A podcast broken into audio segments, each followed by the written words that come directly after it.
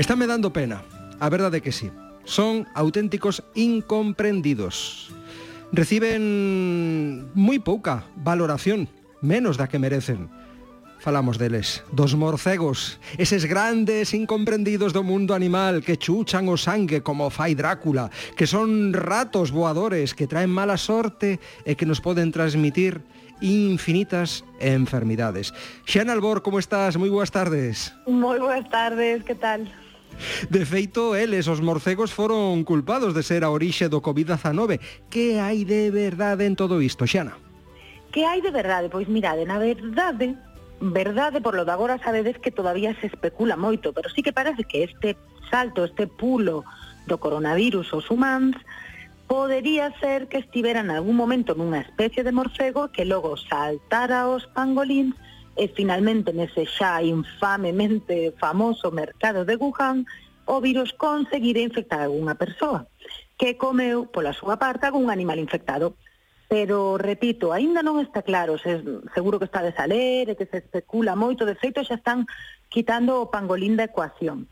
De calquera maneira, os científicos dubidan ata mesmo de que surxira naquel mercado en concreto, ou mesmo que viñera dos morcegos en primeiro lugar.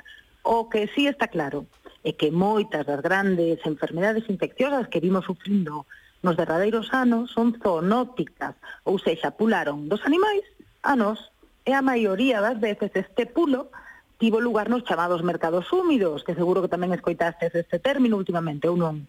Hmm, Soabos, hmm. mercados húmidos, falase moito deles, onde pois animais, dende mm, todo tipo de animais, réptiles, mamíferos, aves, domésticos, salvaxes, son vendidos, vivos, cortados en cachos, manipulados, e logo inxeridos mesmo ali con medidas de higiene que, vamos, un inspector de sanidade daballe un desmaio ali.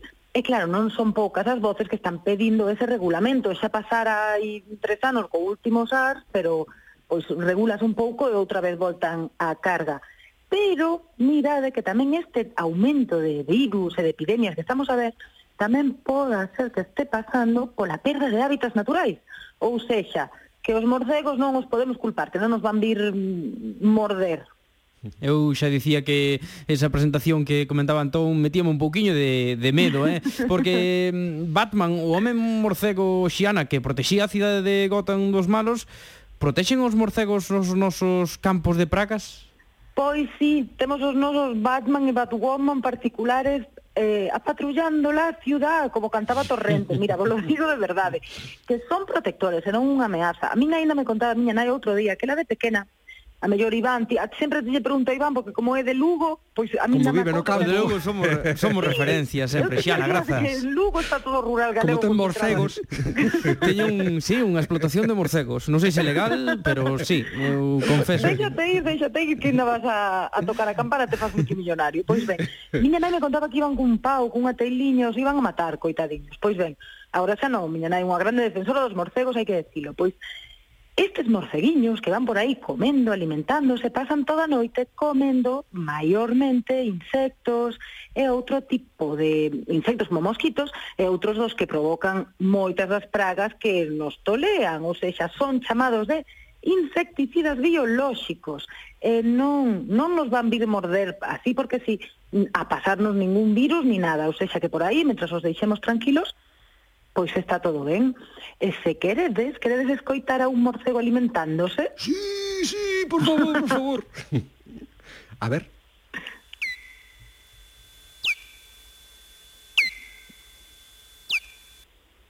Así é como se alimenta, parece un goteiro destes do hospital. sí, eu, acordades vos cando trouxemos o son que facía a balea azul? Sí, sí. sí, sí. Lembrades que vos contei que o puxeron moi rápido, teñeno que acelerar para que nos os humanos uh -huh. podamos escoitar, pois pues, cos morcegos pasa ao revés. Isto que estabades escoitando, digamos, que o estamos escoitando a cámara lenta ah. e eran co, co, como soa a ecolocalización dun morcego do que lle chaman nóctulo mediano, que tamén o temos aquí en Galicia. Este era inglés, neste caso, eh? Este morceguiño igual, por eso non a mí xa me parecía eh, que o acento non era daqui. A ver se si podemos poñelo de novo, Rosa. Podemos escoitar como se alimenta aquí o nóctulo este? A ver.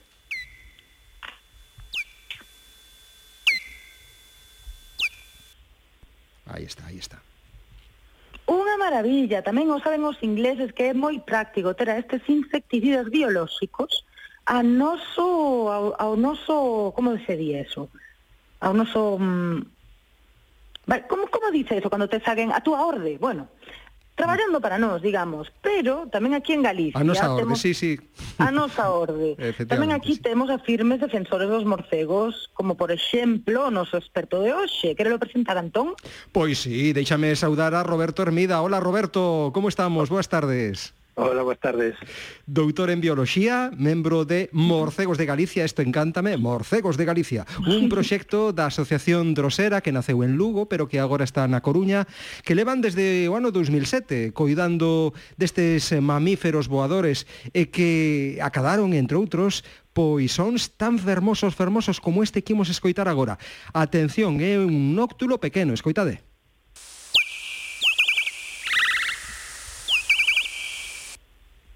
Si é ben fermoso o son, eh? Despois ves o animaliño e ah, parece que bota un pouco para atrás, pero escoita, si non é así, escoitámolo de novo, por favor, Rosa.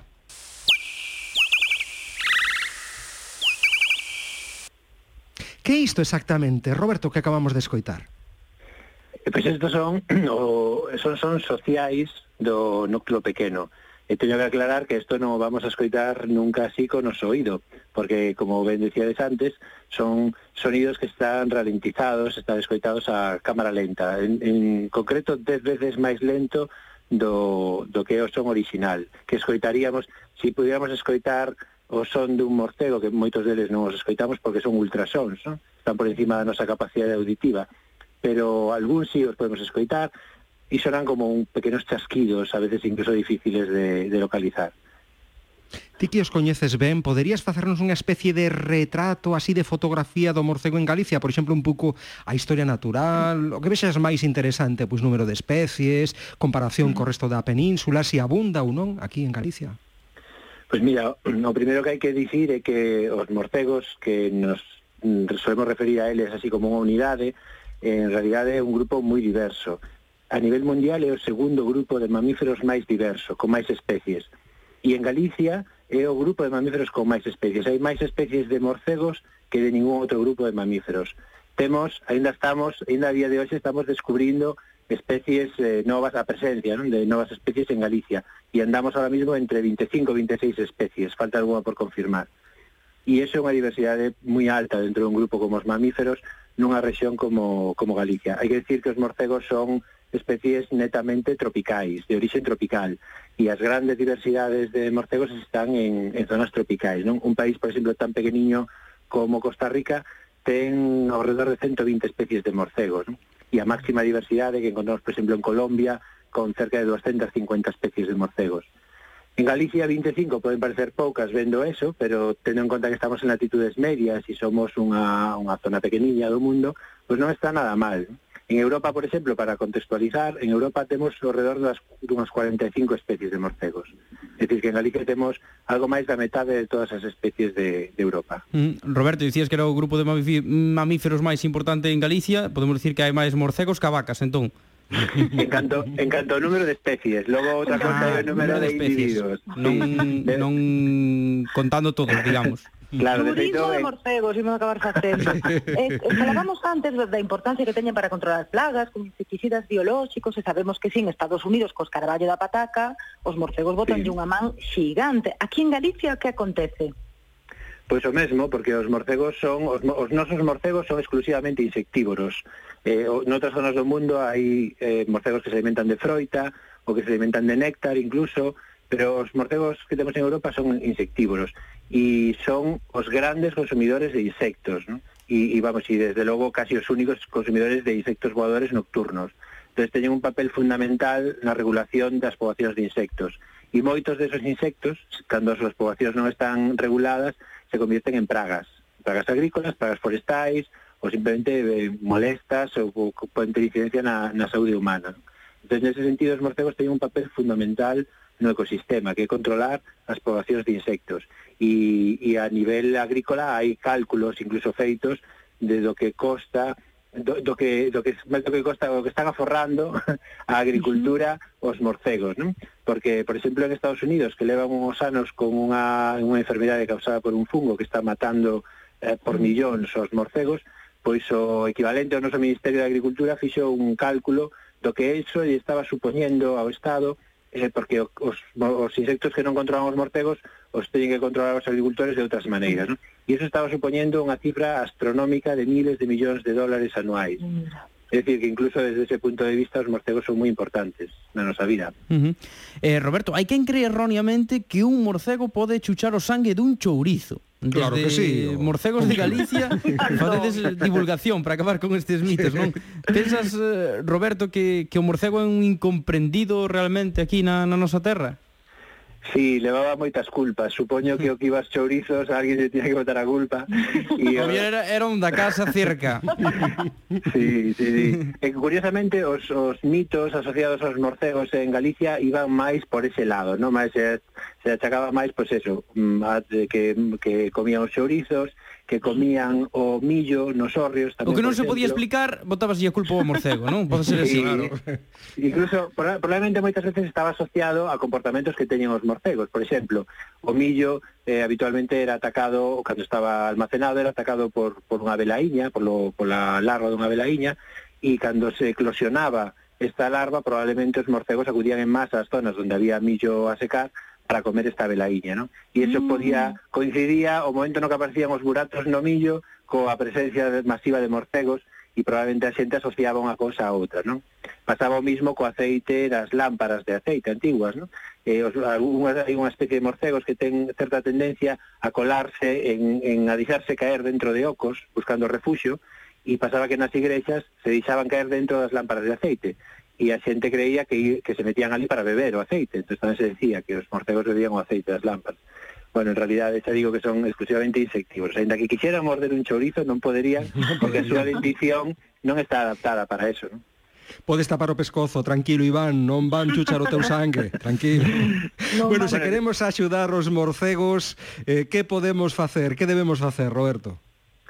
Bueno, unha cousa moi importante é o que estamos facendo aquí, daros a coñecer, entender a súa importancia e entender que as, no, a nosa actividade humana ten unha incidencia no medio natural que nos, que nos rodea e no que vivimos e hai que saber controlar esa incidencia e saber que hai especies como os morcegos que se poden ver moi afectadas e que eso é negativo para o ecosistema e é negativo, acaba sendo negativo para nós. ¿no? Entonces, reconocer e dar a coñecer a importancia dos, dos morcegos nos ecosistemas é fundamental.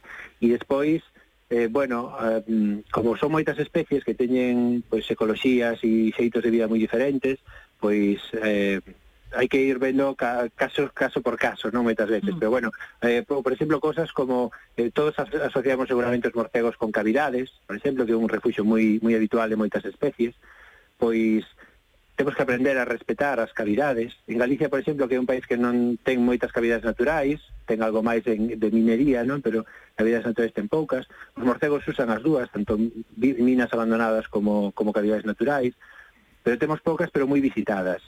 E, por exemplo, a veces desaparecen colonias de morcegos por visitas de maneira incontrolada, a cavidades mm. onde hai molestias repetidas. Temos que aprender tamén a conservar os poucos bosques antigos que temos, que en Galicia, a pesar de que somos un país moi forestal, Temos moi pouco bosque e sobre todo moi pouco bosque antigo e hai especies de morcegos que dependen moito da, da existencia de, de pequenas manchas de bosques antiguos, desconservar as nosas carballeiras, os nosos outos, é fundamental, as fragas que, que temos en Galicia é fundamental, e despois aprender a convivir con eles, porque moitas especies de morcegos viven en construcións humanas, nas nosas casas, nos nosos edificios, non necesariamente, o mellor temos esa idea de casas bellas abandonadas, pero non necesariamente, en casas habitadas tamén hai morcegos. A veces pasan desapercibidos, outras veces non tanto, porque chegan a ser colonias a veces grandes, que xeran molestias, pero na medida do posible temos que aprender a convivir con eles, porque eles dependen de nós, porque evolucionamos, digamos, eh, evolucionamos xuntos neste sentido, compartimos refuxo, e, e realmente se os votamos dos refugios humanos hai especies en Galicia que directamente non terían sitio no, no ecosistema que temos que está xa moi transformado tamén por nós. Aí Hai ustedes, amigas, amigos, os morcegos forman parte das nosas vidas, que irámolo ou non, temos que convivir con eles e debemos facelo da mellor forma posible. Tamén están presentes eh, no cine, na literatura e na música, escoitade.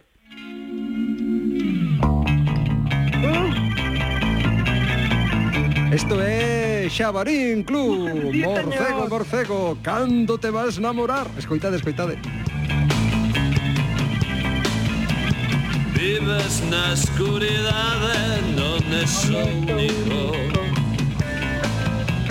Non es the only one, mas es especial Usas radar, sabes voar